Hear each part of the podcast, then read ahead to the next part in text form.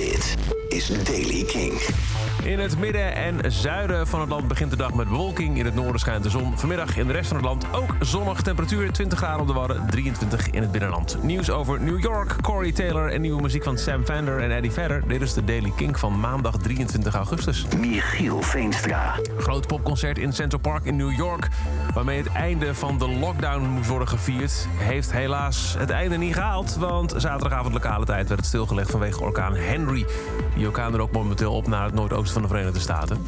Ongeveer 60.000 mensen waren aanwezig bij het concert. Veelal ook gratis. Wel allemaal op zak van, uh, of in bezit van een vaccinatiebewijs. Burgemeester Bill de Blasio kondigde het concert aan in juni... als onderdeel van een Homecoming Week... die de wereld moest laten zien... hey, New York heeft de pandemie overleefd. Bruce Springsteen, Paul Simon, Patti Smith waren de hoofdacts... en ook onder meer de Killers, LL Cool J en Barry Manilow moesten optreden. Corey Taylor van Slipknot heeft het coronavirus te pakken. Heeft hij laten weten in een video op zijn Facebook... waarin hij aankondigt niet te kunnen optreden tijdens een gepland festival. Het Astronom Astronomicon Event in Michigan. Hello, Astronomicon. Corey here.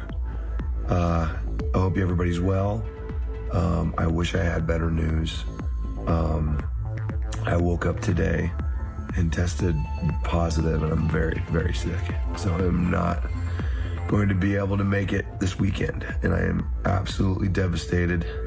Hij zegt dat hij eh, wel gevaccineerd is, dat zal wel meevallen, maar hij heeft het wel flink te pakken. Sam Fender komt binnenkort met zijn nieuwe album 17 Going Under. Daarvan ken je de titeltrack al. De single draaien we veel op Kink. Maar hij heeft een nieuwe single uitgebracht. Een nieuwe track. Die heet A.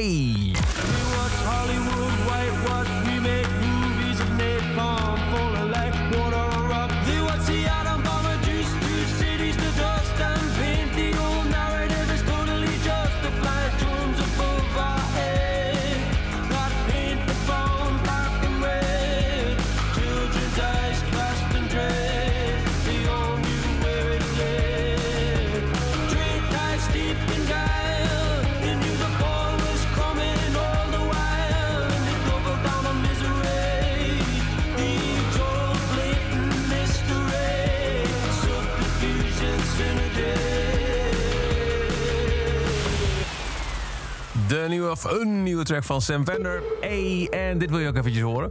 Binnenkort komt er een nieuwe film uit van Penn, Flag Day. En de soundtrack daarvan wordt onder andere volgezongen door Eddie Vedder. Met daarop, heel bijzonder, een cover van R.E.M's Drive. Smack, crack, bushwhacked. Tie another